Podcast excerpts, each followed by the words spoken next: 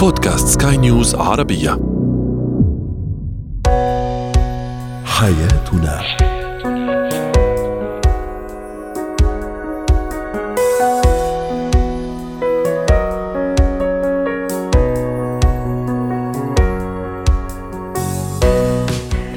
معكم آسيا البشارة أحييكم وأرحب بكم في عدد جديد من برنامج حياتنا. نهتم فيه بشؤون حياتكم بكل تفاصيلها ومختلف مجالاتها.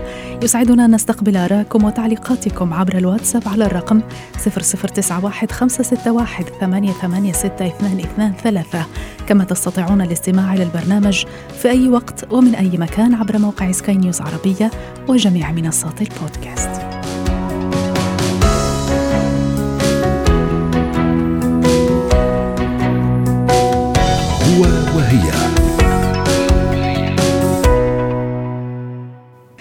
سفر الوالدين دون أطفال بحث عن الرومانسية أم تخل عن المسؤولية؟ كان هذا هو السؤال الذي طرحناه على مواقع السوشيال ميديا الخاصة بسكاي نيوز عربية. للحديث عن الموضوع تنضم إلينا الاستشارية النفسية والأسرية الدكتورة كارين إلي. أهلا بك دكتورة كارين. دعينا نذهب بداية لقراءة بعض التعليقات. حساب يدعى أبو جاكوب يقول ما في سفر للوالدين بدون الأبناء إطلاقا؟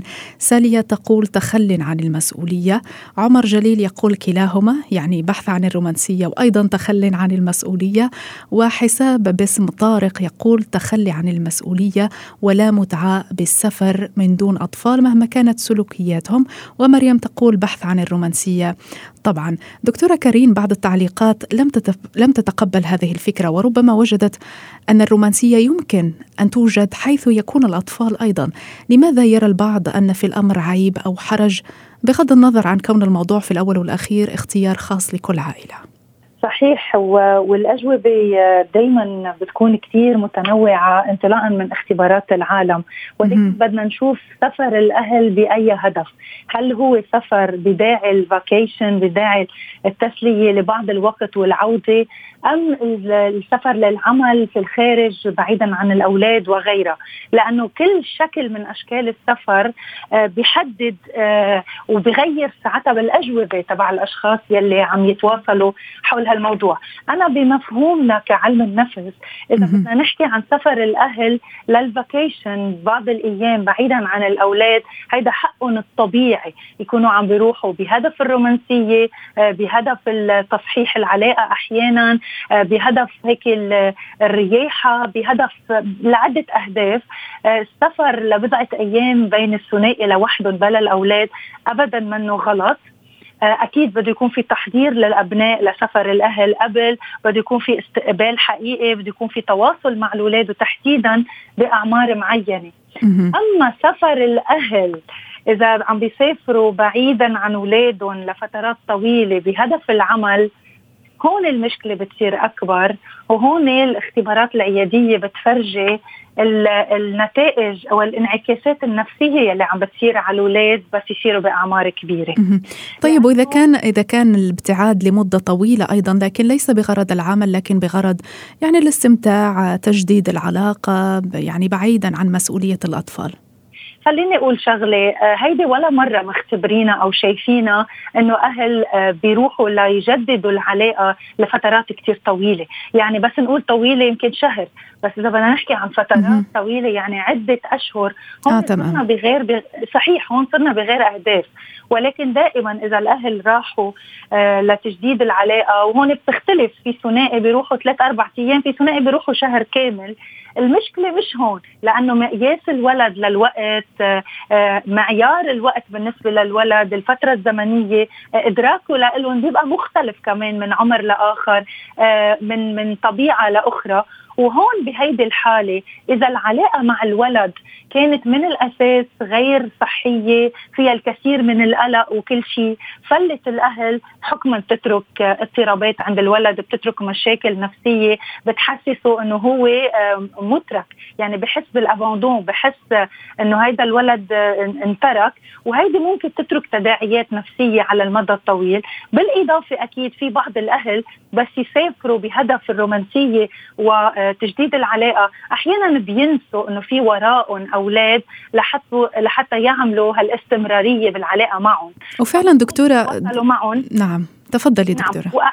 وأحيانا كثير بيكتفوا إنه مثلا يتصلوا بأحد الوالدين ليسألوهم كيف أولادنا وخلص. إذا الأولاد بأمان وكل شيء تمام بيكتفوا بهذا المطرح. ما بيعرفوا شو ممكن تكون عم بتأثر على الولد نفسيا وقد ما نشوف النتائج دغري بوقتها. يعني يمكن بعد عدة سنوات الولد يضل حملها بقلبه آه كوجع كصدمة كانزعاج. صحيح. طيب آه، في نفس السياق دكتورة آه قد يكون شعور الوالدين بالذنب والتخلي عن الأطفال عند قرارهم بالسفر قد يكون سبب يعكر صفو رحلتهم ومتعتها. كيف يمكن تفادي هذا الشعور أثناء السفر والتأكد من أن كل شيء على ما يرام وأن روتين الأطفال لم يتغير وربما أيضا ضمان وقت ممتع لهم في غياب الوالدين؟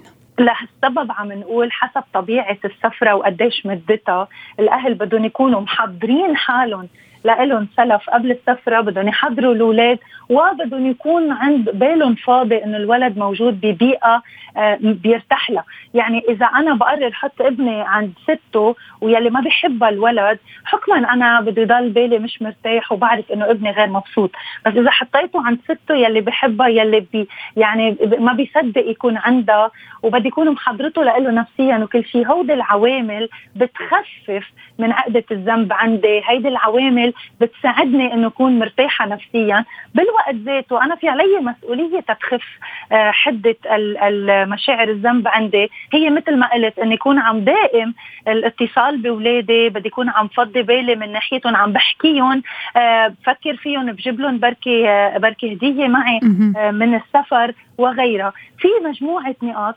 ولكن هيدا ما بيمنع أنه في بعض الأهل بطبيعة شخصيتهم عندهم هيدا القلق يلي أحيانا غير مبرر وهيدي الشعور بالذنب المفرط وغيرها. هيدي الشغلة بصعوبة بنقدر نتخلى عنها وحكما بتأثر على السفر بتأثر على الشريك بالسفر وأحيانا الهدف من السفر ما بيعود يحقق هدفه الأساسي إذا هودي الأهل ضلهم مشغولين آه، بالبلد اللي هن فيه بأولادهم بكل هيدي النقاط.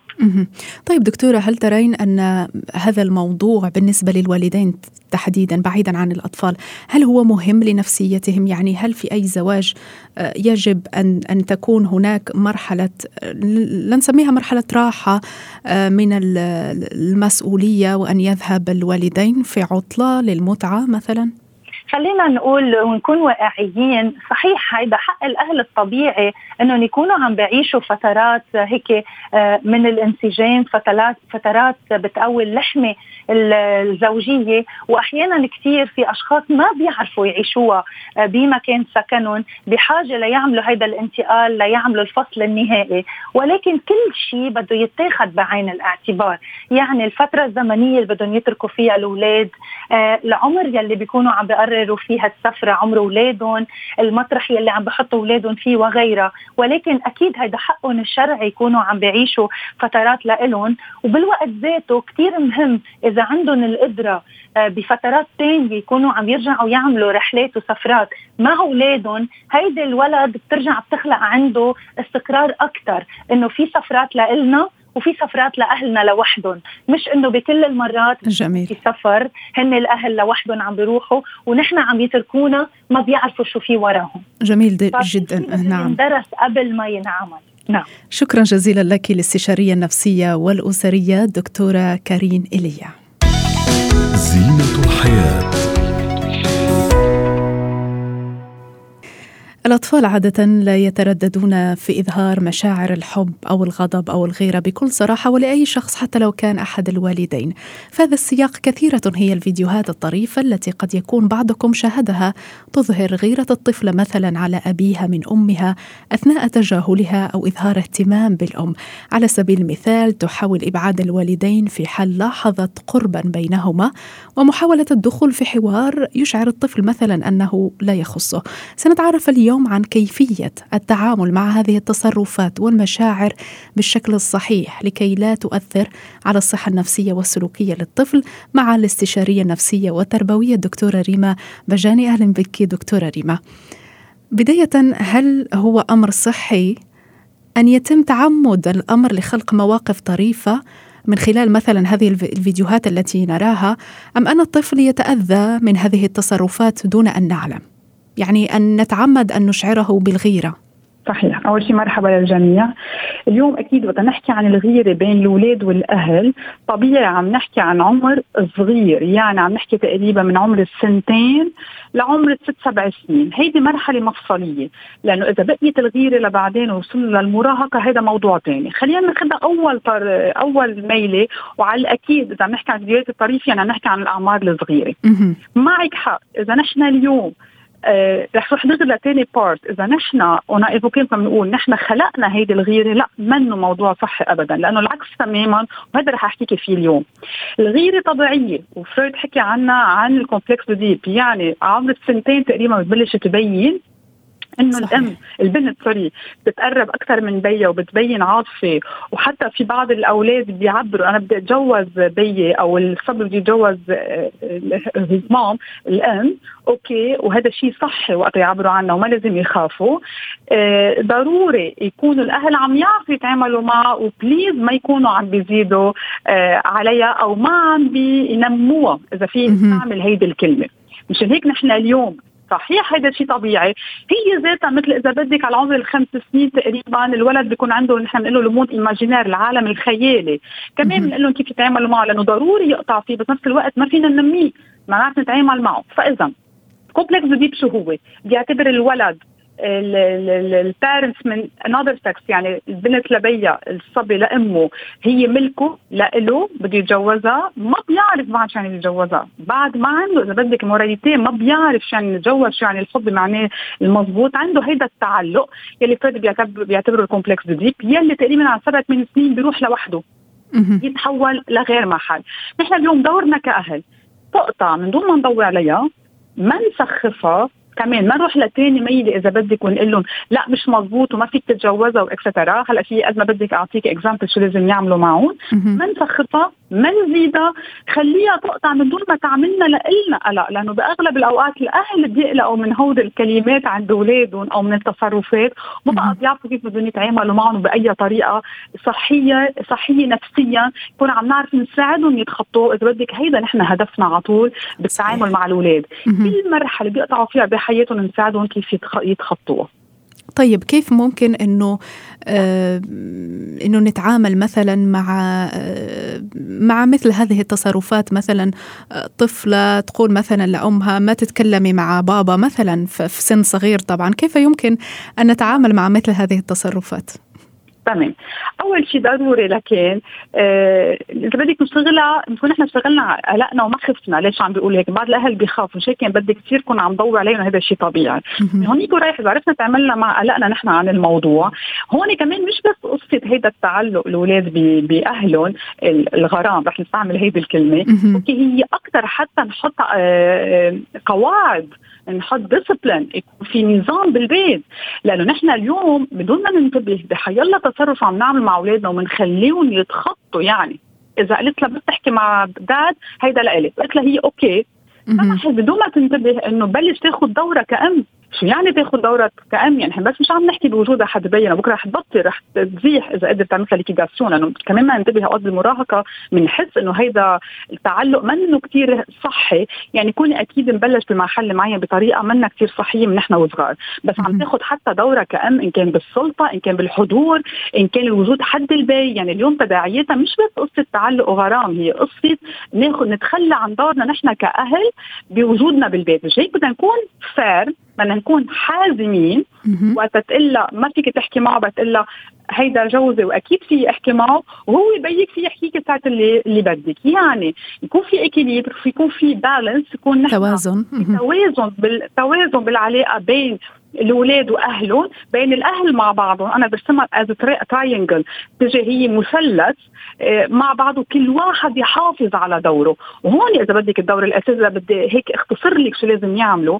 ضروري الأهل يحافظوا على دورهم كأهل ويخلوا الاولاد يعيشوا دورهم كأولاد. لأنه بعض الأولاد يتخطون هذا الموضوع بصيروا عم يعيشوا دور الأهل. وهذا إذا بدك الشيء منه صحي ابدا. طيب هل إذا استمر الأمر هل هل هناك أصلا إمكانية ليستمر هذا الموضوع بعد سن ثمان سنوات وكيف يمكن التعامل معه بعد هذا السن؟ صحيح. هون مثل ما قلنا إذا ما تعمل معه بطريقة صحية وتمادوا فيها مثل حيلا شيء بنمو الطفل أكيد بضل بكمل وبيروح لغير منحى بالمبدأ بتخف بين الثمانية وال10 11 لأنه الولد بصير عنده غير بتضل موجودة بس بتخف لأنه بيروح صوب الأصحاب اللعب etcetera عند الناس اللي صحية عندهم بتروح.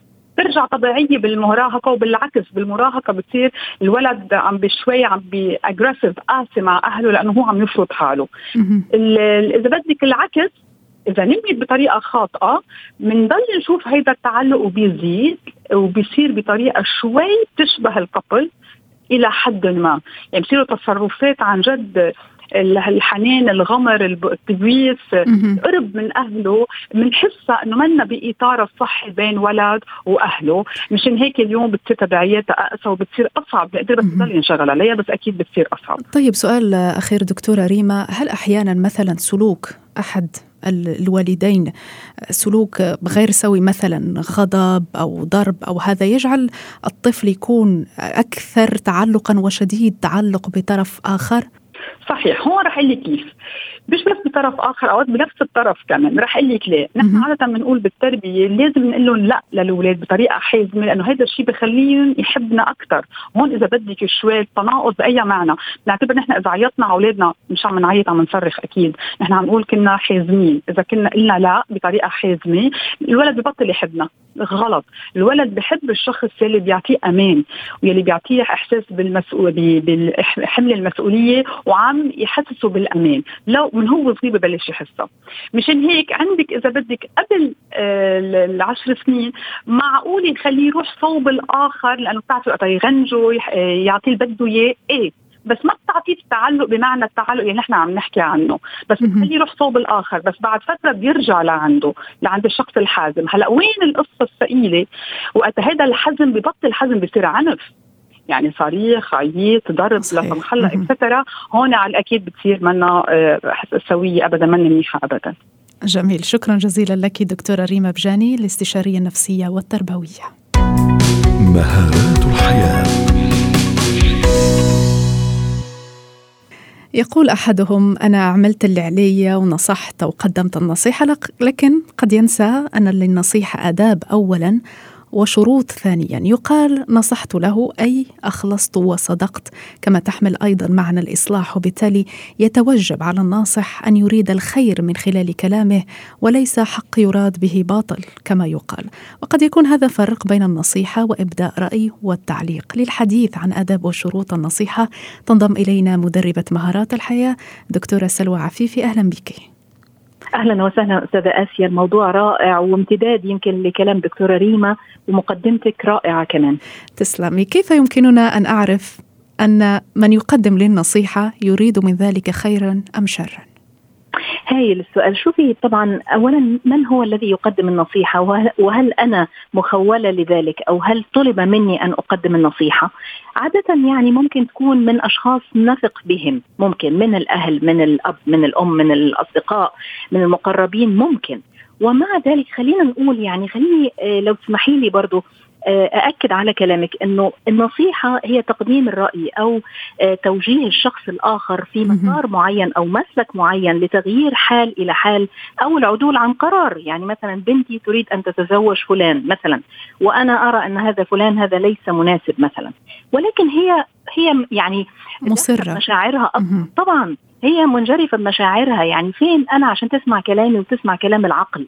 فلا بد أن يكون هناك فعلا الطريقة الوقت الصحيح الأسلوب يعني تكون اولا ليست أمام الجميع. ولا إني أقلل من آه، عدم احترام لمشاعرها مثلا. إنه إيه اللي أنت بتعمليه ده؟ أو إيه السفه ده؟ أو آه، ده كلام مراهقين. لا لابد أن أحترم مشاعرها أيضا. أضع نفسي مكانها. لابد أن تكون النصيحة خالصة فعلا. يعني لا أنا أنا كأم مثلا أنا بس بديت بعطي مثال يعني. إذا مثلا أعطي النصيحة إنه هذا الولد أنا مش حباه مثلا على سبيل المثال بس ربما يكون آه، ولد كويس مثلا أو شاب آه، جيد. فلابد أن تكون النصيحة محايدة جدا ورأيي يكون موضوعي. يعني لا أريد يعني لا أريد أن مثلا اوجهها لمصلحتي أنا. فللنصيحه آداب طبعا. فلا بد أن نتبع كثير من هذه الآداب نعم دكتورة سلوى هل ضروري أن يكون الناصح يعرف شخصيتي وتوجهاتي وميولاتي؟ لأنه مثلا قد نصادف شخص ينصحنا بأنك إذا أردت النجاح يجب أن تتبع مسار معين أو تعمل واحد اثنين ثلاثة لكن قد يكون أصلا مفهوم النجاح لديه مختلف تماما عنه وعن الآخرين. صح 100% صح لأنه القيم لدينا مختلفة ونحن مختلفون أصلا.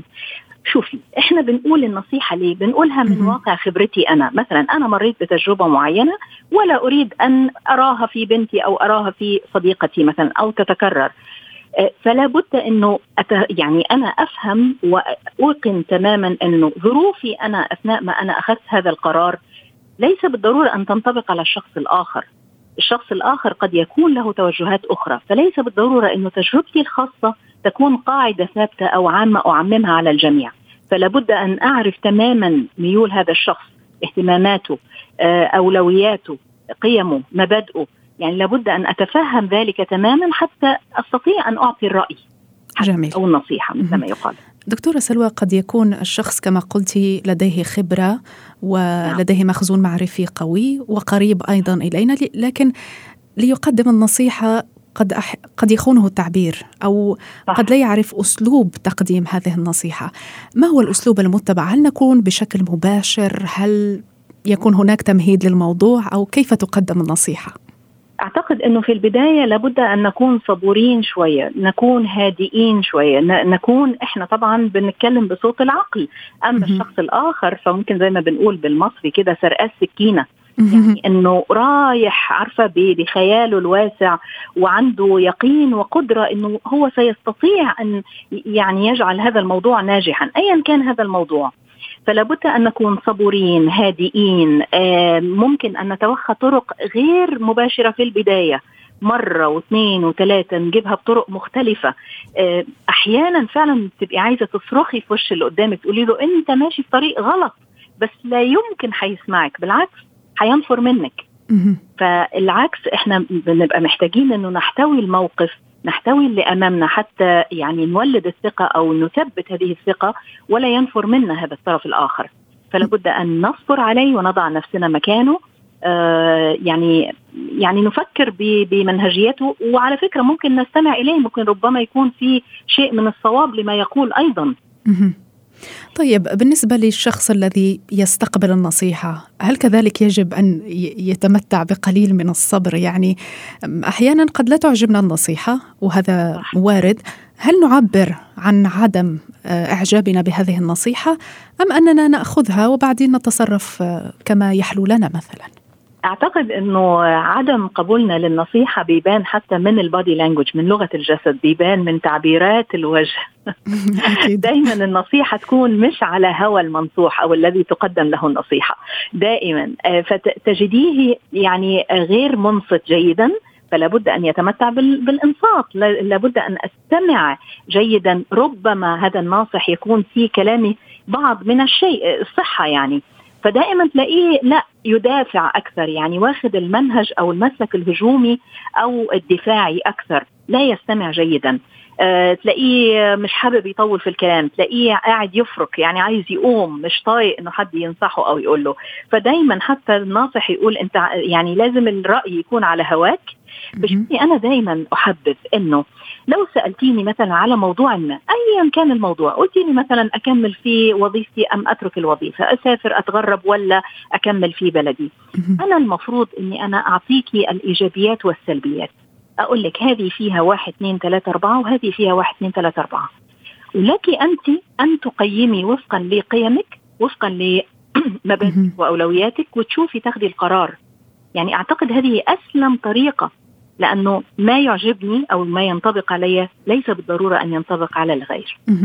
طيب هل هذا ينطبق أيضا مثلا على الأشخاص مثلا أتحدث عن الوالدين تحديدا نعم. حين يقدمون النصيحة، أحيانا نصيحتهم قد قد تكون آه، يعني ليست محايدة وقد تكون بدافع الحب أو الخوف. صح. كيف يمكن التعامل معها؟